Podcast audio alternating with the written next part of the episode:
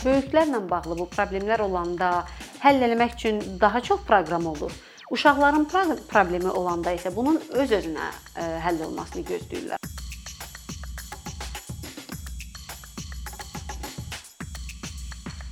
Zeynəb xanım, bizim bugünkü mövzumuz elə məktəb əsaslı mental sağlamlıqdır və buna görə də əvvəlcə bundan başlamaq istəyərdik ki, məktəblərin mental sağlamlıq e, prosesinə qoşulması nə üçün önəmlidir və nə üçün vacibdir? Ümumiyyətlə mental sağlamlıqla bağlı e, problemlər olanda bunun e, diaqnostikası, yəni dəqiq diaqnozun qoyulması adətən 18 yaşından yuxarı insanlar olur. Yəni adətən müəyyən məsələləri qeyd edəndə deyirlər ki, diaqnostik. Deyək ki, məsələn, borderline şəxsiyyət pozuntusudur. Bununla bağlı diaqnostika 18 yaşından sonra qoyulur. E, amma şagird belə deyim, insanların mental sağlamlıq problemləri adətən araşdırmalar göstərir, göstərir ki, ən azı yarısı, böyük əksəriyyəti 14 yaşından öncə yaranır. 14 yaşından öncə e, bir dövrdə olan bir insanın, bir fərdin əsas sosial mühiti məktəbdir. O daha çox vaxtını məktəbdə keçirir. Deyək ki, dostları məktəbdir, evə gələndə adətən məktəb haqqında danışır. İlk sosiallaş sosiallaşdığı böyük mühit onun məktəbidir. Ona görə də məktəblərə bu baxımdan ciddi yük düşür. Məktəblər şagirdlərin E, belə deyim də, siz az yaşlıları başqa yerlərdə də görə bilərsiniz. Siz gedib musiqi dərnəyində də az yaşlı görə bilərsiniz. Deyək ki, 20 nəfər olacaq, 4-ü az yaşlı olacaq, 15 yaşında olacaq. Gedib başqa yerdə də idman klubunda da bunu görə bilərsiniz. Amma az yaşlıların, 18 yaşından kiçik insanların kütləvi toplandığı, müntəzəm olaraq bəlli bir rejimlə toplandığı yer məktəblərdir Ona görə də ən doğrusu budur ki, yəni araşdırmalar bunu deyir ki, doğru olan budur ki, şagirdlərin azyaşlıların mental sağlamlığına müdaxilə, belə deyək də, dəstək başlamalıdır onların məktəblərindən, məktəb təhsillərindən. Bir çox ölkələrdə məktəb təhsili adətən 5-18 yaş arasını ya 5-16 yaş arasını əhatə eləyir. Bu da bizim inkişafımızda çox önəmli bir fazadır, önəmli bir dövrdir. Ona görə də mental sağlamlığa daha çox vurğu olunmalıdır bu dövrdə. Həmçinin digər bir məsələ isə odur ki, həmin dövrdə uşaqların, azyaşlıların birbaşa kontaktda olduğu deyək ki, valideynləri də var, qohumları da var, qonşuları da var. Amma bunların heç biri sahib olduqları rollar üçün hər hansı bir dərəcə almayıblar. Deyək ki, xala olmaq üçün sizin heç bir şey oxumağa ehtiyacınız yoxdur. Ana olmaq üçün, ata olmaq üçün, qonşu olmaq üçün heç bir şey oxumursunuz. Amma siz müəllim olmaq üçün müəyyən bir universitet oxuyursunuz, bir təhsil alırsınız. Siz direktor olmaq üçün müəyyən bir imtahanlar verirsiniz. Həmçinin başqa ə, idarə edici vəzifələri ə, məktəblərdə tutmaq üçün müəyyən imtahanlardan keçirsiniz. Ona görə də bu işi professionallara, yəni məktəbdəki professionallara, müəllimlərə və idarə etməyə vermək daha düzgün, daha məntiqli görünür bir çox deyək ki, bu sahədəki mütəxəssislərə. Sizə bir nümunə verə bilərəm. İngiltərədə keçən il ya səhv eləmirəmsə, ondan qabaqki il bir yeniyetmə qız bir kampaniya başlatmışdı sosial mediada və onun vurğuladığı məsələ o idi ki, o 18 yaşının altında idi və deyirdi ki, məsələn mən e, səhiyyə ocaqlarından deyək ki, mental sağlamlıqla bağlı dəstək almaq istəyirəm, amma mənim aldığım dəstək yetərli səviyyədə deyil, adekvat səviyyədə deyil. E, çünki onlar mental sağlamlıq problemləri, bununla mübarizə edəndə daha çox yetkin insanlar nəzərdə tuturlar. Bu əslində hər yanda belədir. Azərbaycanın özündə də belədir, dünyanın bir çox ölkələrində də. Mental sağlamlıq problemləri deyəndə əsas vurğunu niyəsə sadəcə yetkin insanlara qoyurlar. E, bu bəlkə də bayaq dediyim kimi diaqnostikanın 18 yaşından sonra daha çox edilməsinlə edilməsi ilə əlaqədar ola bilər. Amma istənilən halda mən bunun o qədər də ədalətli bir yanaşma olduğunu düşünmürəm. O qız da haqlı olaraq etiraz eləyirdi ki, yəni mən müəyyən problemlər yaşayıram, amma onlar bununla bağlı mənə adekvat dəstək vermirlər, çünki düşünürlər ki, uşaq yavaş-yavaş böyüyür, uşaq bir şəkildə belə deyək də böyüklərlə bağlı bu problemlər olanda həll etmək üçün daha çox proqram olur. Uşaqların problemi olanda isə bunun öz-özünə e, həll olmasını gözləyirlər. Amma gözdən qaçırılan önəmli bir məqam var ki, bu uşaqların həmin problemləri kiçik yaşlarında, məsələn, e, müəyyən bir müdaxilə alarsa, ilkin müdaxilə olunarsa bu problemlərə, sonrakı yaşlarda bu problemlər ciddi səviyyələrə irəliləməyə bilər. Yəni bunun qarşısını almaq mümkündür. Deyək ki, məsələn, tutalım bir araşdırmada bununla bağlı qeyd olunurdu ki, ilkin müdaxilə olunanın olunan insanların 3də 2-si həmin problemləri, mental sağlamlıqla bağlı problemləri bitirmiş olurlar həmin yaşda. Yəni sonrakı yaşlarına mental baxımdan sağlam bir fərd olaraq davam edirlər də. Xüsusi bir çətinliklərlə üzləşmirlər. Amma siz yetkin bir fərd olanda, cəmiyyətə qoşulanda biraz daha çətin olur, belə deyək də. Bunu idarə eləmək, bu situasiyanı, bu problemləri idarə eləmək daha çətin olur. Yetkin yaşın, yetkin yaşda insanın mental sağlamlıq problemləri ilə məşğul olmaq fəsadları aradan qaldırmaqdır. Kiçik yaşlı uşaqların, azyaşlıların problemləri ilə məşğul olmaq isə qabaqlayıcı tədbirlər kimidir daha çox. Çünki fəsadlar o qədər də irəli səviyyədə olmur, ciddi səviyyədə olmur əksər hallarda. Mental sağlamlığı uşaqlara, şagirdlərə çatımlı etmək üçün və onlara rahat öz fikirlərini və öz problemlərini rahat bir şəkildə ifadə etməkləri üçün necə bir sistem qurmaq lazımdır ümumiyyətlə? İlk növbədə ilk addım danışılacaq, danışıla biləcək bir şey çevirmək lazımdır mental sağlamlığı. Ən ciddi problem əslində bu mövzuda ciddi problemlərdən biri ümumi cəmiyyətdə də biz bunu deyə bilərik, amma xüsusilə təhsil sahəsindən mən danışıramsa, təhsil sahəsində ümumiyyətlə yəni danışıla biləcək, eşidilməyə dəyər bir mövzu kimi yanaşılmır.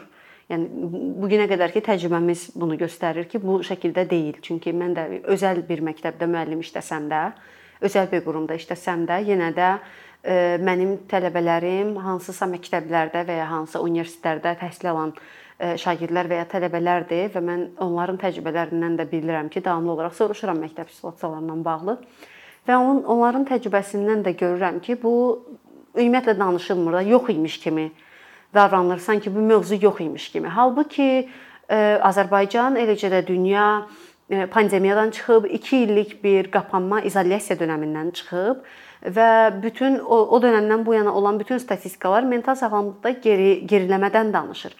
Məsələn, e, İngiltərədə deyək ki, mental sağlamlıqla bağlı bir təşkilat may ayında, hər ilin may ayında onlar mental sağlamlıq ayı olaraq qeyd eləyirlər və bu ilin mövzusu məsələn yalnızlıq idi. Onlar qərar vermişdilər ki, ən çox insanları insanlara təsir edən mental sağlamlıq problemi an etibarilə yalnızlıqdır, xüsusilə də izolyasiyadan sonra. Bu, yəni izolyasiya ilə bağlı birbaşa əlaqəlidir və yolların bağlanması deyək ki, gedib yaxınlarını görə bilməyiblər filan. Yəni bütün dünyada demək istədiyim odur ki, xüsusilə pandemiyadan sonra, yəni 100 ildə bir baş verən bir şey idi və biz bunu təcrübə elədik. Bundan sonra mental sağlamlığa vurğu daha da artırılıb hər yerdə. Onsuz da mövcud olan vurğu biraz da artırılıb. Və biz eyni şeyi məncə Azərbaycanda da eləməliyik və xüsusilə də təhsil mərkəzlərində bunu daha çox etmək lazımdır. Yəni mental sağlamlıq problemləri, mental sağlamlıqla bağlı çətinliklər, sıxıntılar, ümumiyyətlə mental sağlamlıq vəziyyəti daha çox danışıla bilən bir mövzu olmalıdır. Daha çox haqqında danışılmalıdır. Bu şəkildə də bununla bağlı stigmalar qırılmalıdır, gündəlik həyatımızın bir parçası olduğu e, mesajı verilməlidir. Şagirdlərin psixi durumlarında, onların psixi durumlarında kömək etmək üçün ümumiyyətlə e, məktəblər necə qurulmalıdır və bu qurumların içərisində, bu qurulmanın, bu strukturun içərisində e, dəstək belə deyək qrupları və hansı ki proqramlar ki var, onlar ümumiyyətlə hansı nüanslara əsasən formalaşmalıdır? Dəstək qrupları ilə bağlı məsələn mən iki ölkədən burada nümunə verə biləcəm sizə, hansı şəkildə təşkil edirlər. Azərbaycanda bu məhz bullying problemi ilə bağlı edilib bu şəkildə, amma digər ümumi biz mental sağlamlıqla bağlı danışsaq, məsələn İngiltərədə deyək ki, münasibətlər və cinsi tərbiyə fənni var və onun önəmli bir hissəsi mental sağlamlıqdır. Məhz mental sağlamlıqla bağlı tələbələr, yəni bu ibtidai sinifdən keçirilən bir fəndir və ibtidai sinifdən onlar mental sağlamlıqla bağlı e, məlumatlar alırlar. Bunu onların e, mental sağlamlığın onların gündəlik həyatlarının bir parçası olduğu, ayrılmaz bir parçası olduğu, fiziki sağlamlıq qədər vacib olduğu haqqında məlumatlar alırlar. İlkin əlamətlərini öyrənirlər, mental sağlamlıq problemlərinin ilkin əlamətləri nədir və biz hansı şəkildə bunun öhdəsindən gələ bilərik. Yəni bu ümumi məlumatlandırmadan əlavə isə həm də bayaq da qeyd etdiyim kimi xüsusilə pandemiyadan sonra daha da gücləndirilmiş bir şəkildə əlavə dəstəklər də verilir. Məsələn, dəstək qrupları qurulur, sizin də qeyd etdiyiniz kimi. Məktəbin özünün içərisində müəllimlər məktəb psixoloqları və məktəb həkimləri. Çünki fiziki sağlamlıqla e, belə deyim də bir-biri ilə iç-içə olacaq bir şəkildə e, araşdırılır və qabaqlayıcı tədbirlər görülür mental sağlamlıqla bağlı. E, bu qurumlar, bu belə deyək də məktəbin içərisindəki bu fiqurlardan əlavə həm də kənardan dəstək qrupları belə deyim, Təhsil Nazirliyi tərəfindən əlavə dəstək qrupları məktəblərə bununla bağlı kömək eləyir. Onların daha çox verdiyi kömək təlimlərlə bağlıdır. Bu təlimlər də sadəcə müəllimlərə deyil, əlbəttə ki, ilk növbədə bu müəllimlərə olmalıdır. Birinci dərəcəli burada şagirdlərə təsiri olan müəllimlərdir. Yəni nə valideyn deyil, nə məktəbin idarəetməsi deyil, nə də şagirdlərin özü, nə cəmiyyət, heç biri deyil. İlk növbədə müəllimdir. Çünki müəllimlər şagirdlərlə ən azı bir fənni ən azı 2 dəfə, yəni məsələn təmayül olanda 3 dəfə də ola bilər, 4 dəfə də ola bilər, amma ən pis halda 2 dəfə həmin şagirdləri görürlər və uzun bir müddət üçün görürlər. Yəni bu məsələn bir fənn deyək ki, məsələn götürək fizika fənnini, uşaqlar 4 il keçirlər. Yəni 4 il bu müəllimin onları görmə şansı olur. Və ya müəllim dəyişsə belə bir müəllim 6 ay, 1 il həmin sinfə dərs deyir. Uzun müddətli müşahidə daha dəqiq fikir formalaşdırmaq üçün müəllimə kömək eləyir. Ona görə ilkin məlumatlar, ilk əldən məlumatları müəllimlərdən almaq olar və birinci dərəcədə təsir edə biləcək qrup da müəllimlərdir. Ona görə də bu təlimlər əsasən müəllimlərin üzərində qurulur. Və o müəllimlər ümumi mental sağlamlığın əlamətləri, yəni hansı belə deyə əlamətlər mental sağlam deməkdir, hansılar isə sağlamlıqda bir pozuntu olması deməkdir. Eyni dərəcə eyni, eyni şəkildə Dünya Səhiyyə Təşkilatının sertifikasiyası ilə psixi ilkin yardım deyək də, psixoloji ilkin yardımla bağlı da təlimlər alırlar və bunu valideynlər də və uşaqlar da özləri də alır.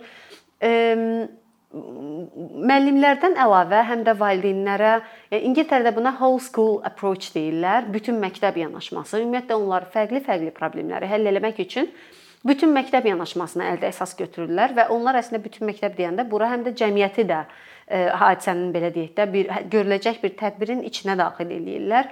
Yəni bütün məktəb nə deməkdir? Burada məktəb müəllimləri də e, təlim alacaq bununla bağlı, məktəb idarəetməsi də, həkim varsa, o da, psixoloq da, valideynlər də və şagirdlərin özləri də. Çünki e, onlar hesab eləyirlər ki, bəzi məsələlər var ki, onu şagirdlər yalnız bir-biri ilə böyüyürlər. Yəni güc balansı e, olmayan insanlarla güc bərabərsizliyi olan ki, müəllimlər kimi, valideyn kimi, məktəb psixoloqu və ya həkim kimi onlarla bölüşmək şagirdlərə rahat deyil, amma öz yaşıdları ilə bu problemləri daha rahat müzakirə edə bilirlər və daha başa düşülmüş hiss edirlər orada.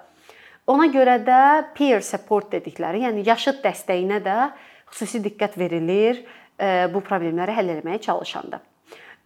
Həmçinin araşdırmalara əsasən gəlinən nəticələr budur ki, mental sağlamlıq problemlərinin bir çoxu adətən 14-15 yaşından daha öncə başlayır. Yəni ilkin əlamətləri o yaşdan öncə başlayır və bu şagirdlərdə ən çox rast gəlinən problemlər məsələn diqqət əskikliyi və hiperaktivlik pozuntusu, təşviş, depressiya kimi problemlər olur və bunlar kiçik yaşlarda bunun qarşısı alınarsa məktəblərdə, daha sonra onlar daha sağlam bir fərd olaraq həyatlarını mental baxımdan daha daha fərqində və daha sağlam fərd olaraq həyata davam edə bilərlər.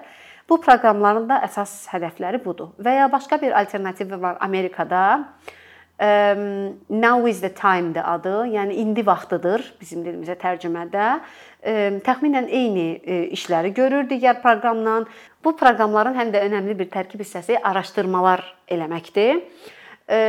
Çünki bizim əlimizdə həm də rəqəmlər olmalıdır ki, situasiyanın nə olduğunu başa düşək, ondan sonra buna uyğun tədbirlər götürə bilək və eyni şəkildə də eyni prinsiplə həm Amerikada bununla bağlı gözdən keçirdiyim proqram, həm İngiltərədə orada olarkən gördüyüm proqramın hər ikisində eyni prinsip izlənilirdi. Yəni rəqəmlər, situasiya müzakirə olunur, mövcud situasiya müzakirə olunur və sonra ona uyğun olaraq tədbirlər gözdən keçirilir. Biz şagirdlərə mental dəstək dedikdə bu dəstək qrupları və ümumiyyətlə proqramlar hər hansı bir proqram ola bilər, hansı ki bu məzmundadır. Bu proqramlar, dəstək qrupları hansı nüanslar da nəzərə yetirilərək, hansı nüanslar da qeyd olunaraq təsis edilməlidir? Əlçatımlılıq birinci prinsip olmalıdır. Yəni əslində birinci prinsip olaraq qeyd eləmirlər, amma mən düşünürəm ki, məsələn, xüsusilə də Azərbaycan kontekstində əlçatımlılıq çox vacib bir şərt olmalıdır. Çünki başqa ölkələrdən fərqli olaraq Azərbaycanda məsələn deyək ki, məktəblər bəzən məktəblərin özü baxın, mental sağlamlığa əlçatımlılıqdan danışmırıq. Məktəbin özünə belə əlçatımlılıq həmişə ideal vəziyyətdə deyil. Bəzən qonşu kəndə gedirlər şagirdlər, bəzən evlərindən çox aralı bir məktəbə gedirlər, bəzən yollar buna uyğun olmur, e, nəqliyyat buna uyğun olmur, deyək ki, ictimai nəqliyyat e, rayonlarda, yəni o qədər də ideal vəziyyətdə deyil və yetəri qədər əlçatımlı olmaya bilər. Və ya deyək ki, e, işləyən bir valideynin övladıdır və bu şagirdin problemi elə tam olaraq diqqətdən kənarda qalmasıdır. E, bu məsələni tutalım valideynini çağırdılar, danışdılar. Bu valideyn də deyək ki, işləmək məcburiyyətindədir. Tək valideynli ailədir və ya başqa bir məsələ var. Elə bir səbəb var ki, mütləq tam gün ərzində işləməlidir. E, həmin şagirdləri müəyyən bir mental sağlamlıqla bağlı daha çox E, irəli səviyyədə dəstək ala biləcəkləri qurumlara bəzən yönləndirirlər. Deyək ki, məsələn, ilkin təlimlər, baza şeyləri məktəblərin özündə verilir. Amma e, axı keyslər də dəyişə bilər. Bəzən yüngül keyslərdə deyək ki, şagirdin yüngül problemləri var. Bəzən daha irəli səviyyədə, daha ciddi e, diqqət tələb edən problemləri olur və bəzən onları fərqli qurumlara yönləndirə bilirlər psixo e, psixi sağlamlıqla bağlı. Və bu qurumlara yönləndirdikdə bəs əgər deyək ki, şagirdin ora e, onu apararkən müşayiət eləyəcək kimsə yoxdursa, bu azyaşlıdsa, gedə bilmirsə, nəqliyyatı təmin olunmursa və ya deyərək deyək ki, məsələn, valideyni yetəri qədər bununla bağlı diqqət göstərmirsə, o zaman bunu gəlib sadəcə sinifdə onunla danışmaq əlbəttə ki, kömək eləyəcək, işə yarayacaq, amma lazım olacaq adekvat səviyyədə dəstək deyə bilmərik biz buna. Yəni onun ehtiyaclarını tamamilə qarşılayan bir dəstək deyə bilmərik. Məsələn, İngiltərədə bu proqramı həyata keçirəndə dövlət və özəl məktəbləri ayrılırlar. Dövlət məktəbləri e, hamısına vermirlər, amma bəzən bəzi məktəblərin deyək ki, maddi durumu pisdirsə və o məktəblərə əlavə maddi dəstək lazımdırsa, bununla bağlı onlar qranta müraciət edə bilirlər, həmin o dəstək qruplarına və qrant ala bilirlər. Bu layihəni həyata keçirərkən məsələn deyək ki, təlimlərdə ehtiyac ola bilər, e, transport, nəqliyyat xərcləri üçün lazım ola bilər və s. onlara mali maliyyə dəstəyi verə bilirlər yalnız dövlət məktəblərinə. Özəl məktəblərə gəldikcə isə yox, hər hansı bir maliyyə dəstəyi vermirlər onlara. Eyni şəkildə də biz bunu e, Azərbaycanla bağlı deyə bilərik. Xüsusilə də Azərbaycanın rayonlarından söhbət gedirsə. Çünki məsələn belə bir proqramın e, əsas olaraq Bakını əhatə eləməsi haqsızlıq olar.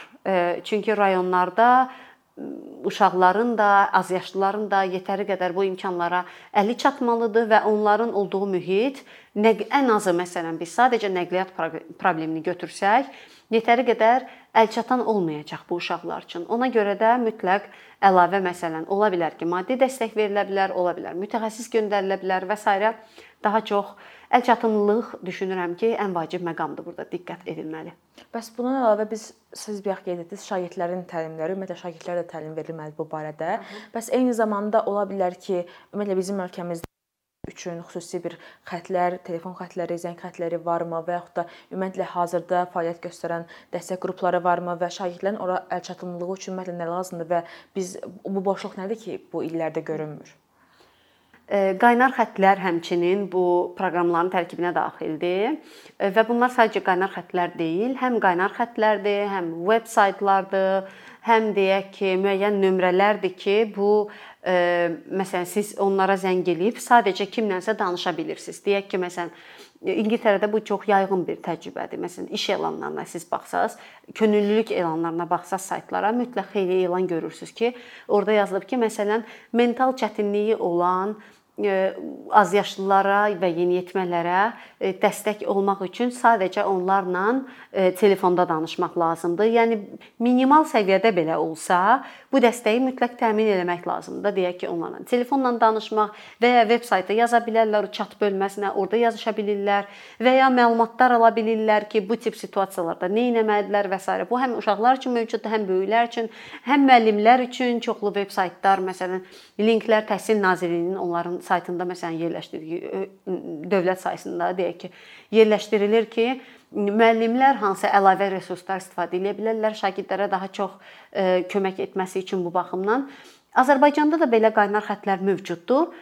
Amma e, nə mən özüm məktəbli olanda o qaynar xəttlərin varlığından heç vaxt xəbərim olmayıb, nə də mən e, indi məsələn bu şagirdlərimdən soruşmuş ola bilirəm, ətrafda tanıdıqlarımdan soruşmuş ola bilirəm. Yəni mən məsələn bir adam belə tanımıram ki, sadəcə mənim nümunəm üzərindən vermək yanlış olar. Bəlkə də doğru deyil. Yəni haqlı olaraq kimsə deyə bilər ki, öz nümunəndən niyə deyirsən? Filan kəs olub, kimsə zəng eləyib. Amma ən azından bu da yəni lokal olaraq bir göstəricidir ki, mən bir кейs belə görməmişəm ki, kimsə desin ki, hə, mən filan qaynar xətti bilirəm, nömrəsini bilirəm. Ora zəng elədim və bu şəkildə dəstək aldım. Biz məsələn belə bir şeyi o qədər də görməmişik. Demək ki, yetəri qədər maarifləndirmə yoxdur bununla bağlı. Maarifləndirmə daha çox artırılmalıdır, daha çox məlumat olmalıdır. Səhv eləmirəmsə mən metroda bununla bağlı bir billboard görmüşdüm. Metro stansiyalarında var idi. Amma daha çoxunu məsələn məktəblərdəmi deyim yerləşdirmək və ya fərqli yerlərdə və ya daha tez, daha intensiv təlimlərmi lazımdır bununla bağlı məsələn bu sualı özümüzə verə bilərik. Amma nəticə itibarilə maarifləndirmə yetəri qədər deyil, yetərli səviyyədə deyil və Bunu daha çox artırmaq daha faydalı ola bilər. Və ya mən başqa bir nümunə verə bilərəm e, öz təhsil təcrübəmdən. E, bu proqramlar əslində bəzən bu sadəcə məktəbləri əhatə eləyir, başqa ölkələrdə elində. Bəzən isə universitet tələbələrini də daxil edirlər bu proqramlara. Və universitet tələbələrində də bəzən yaş məhdudiyyəti qoyurlar 25 yaşa qədər. Məsələn, mən özüm İngiltərədə təhsil almışam və orada təhsil alanda 25 yaşdan yuxarı idi mənim yaşım. Mən bir pandemiyanın başladığı dövrlərdə bir fənni biz, yəni qarışıqlıq dövrünə düşmüşdük, yaxşı keçə bilməmişdik, yaxşı qavraya bilməmişdim və əziyyət çəkirdim onun işini təqdim eləməyə, deyək ki, yazı araşdırma yazmalıydım ondan bağlı. Və mən sadəcə öz müəllimimə yazdım ki, başqa heç kimə bununla bağlı məlumat vermədim. Sadəcə müəllimimə bildirdim ki, mən bu mövzunu yetəri qədər həzm edə bilməmişəm pandemiya ilə əlaqədar. Eyni zamanda da mən stressli hiss eləyirəm. Yəni pandemiyanın başlaması mənə təşviş verir. Çünki mən başqa bir ölkədə qapanmışam hal-hazırda. İzolyasiyadayam və ona görə də bununla bağlı deadline-ımın, yəni bitmə vaxtımın uzadılmasını xahiş edirəm.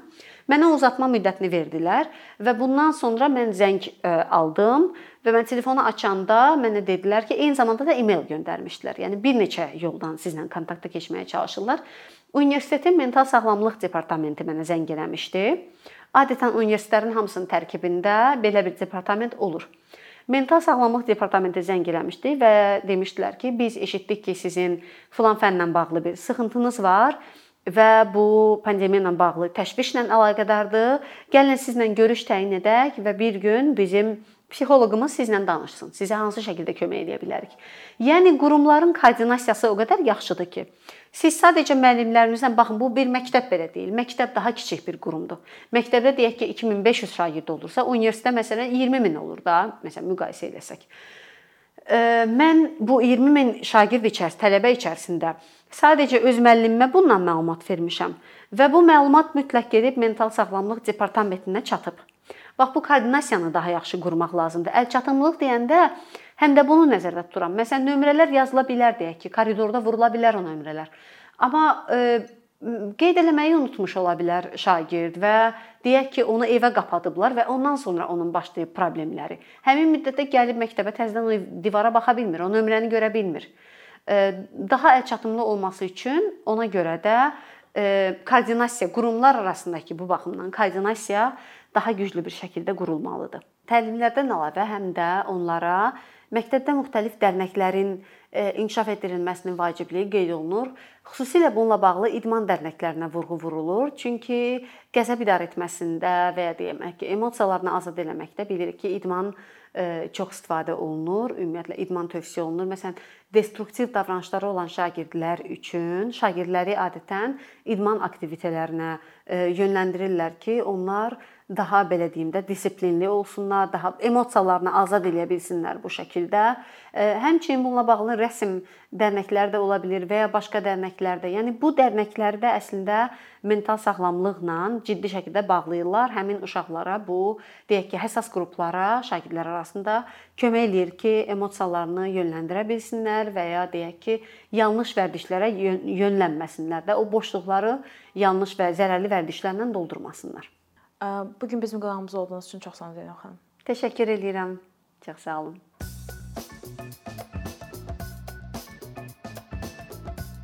Bir neçə ildir ki, əkinçi olaraq azərbaycanlı izləyicilərin hər zaman faydalana biləcəyi keyfiyyətli və ən əsas ödənişsiz kontent hazırlamağa çalışırıq. İndiyədək təqdim etdiyimiz onlarla animasiya və yüzlərlə çəkilişlər tələbələrin, mütəxəssislərin, müəllimlərin və ümumiyyətlə yeni mövzulardan xəbərdar olmaq istəyən çox sayda insanın marağına səbəb olub.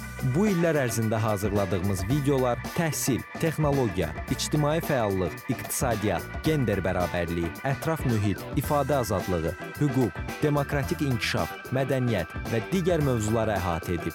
Məqsədimiz çoxlu baxış gətirən deyil, çoxlu fayda gətirən videolar hazırlamaqdır. Amma bu düşündüyümüz qədər asan deyilmiş. Gördüyümüz iş kifayət qədər resurs, əmək və təbii ki, davamlılıq tələb edir. Bu səbəbdən Patreon platformasından istifadəyə başladıq. Əkinçinin Patreon hesabının populyarlaşmasına çox böyük ümidlərimiz və gözləntilərimiz var.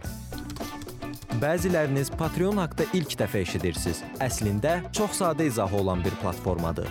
Təsəvvür edin ki, siz rəssam və ya musiqiçisiniz. Sosial şəbəkələrdə sizi izləyən, işinizi bəyənən çox sayda insan var. Patreon platforması sizə imkan verir ki, izləyicilərinizin könüllü aylıq ödənişləri sayəsində işinizi davam etdirəsiniz. Sərgi, konsert zallarından asılı qalmayasınız. Amma bu təkcə rəssam və musiqiçilərə aid deyil. Məsələn, əkinçiyə bənzər fəaliyyətlə məşğul olan bəzi layihələrin 10 minlərlə patronu var. Biz də düşündük ki, nə üçün əkinçinin Patreon hesabı olmasın? Sizin dəstəyiniz sayəsində biz daha çox və daha keyfiyyətli kontent yaratmağa davam edə biləcəyik. Amma bu dəstək yalnız maddi dəstək deyil. Dəstəkçilərimizin sayının artması gördüyümüz işlərin faydalı olduğuna dair əminlik verir. Patreon platformasından istifadə çox sadədir. Hesabınızı açırsınız, sizə uyğun dəstək növünü seçirsiniz və Patreon özü hər ayın ilk günü kartınızdan seçdiyiniz dəstək növünə uyğun ödəniş tutur. Bu qədər. Sonda onu demək istəyirik ki, dəstəkçilərin sırasına qoşulmaq istəyən, amma məhdud imkana görə bunu edə bilməyənlər narahat olmasın.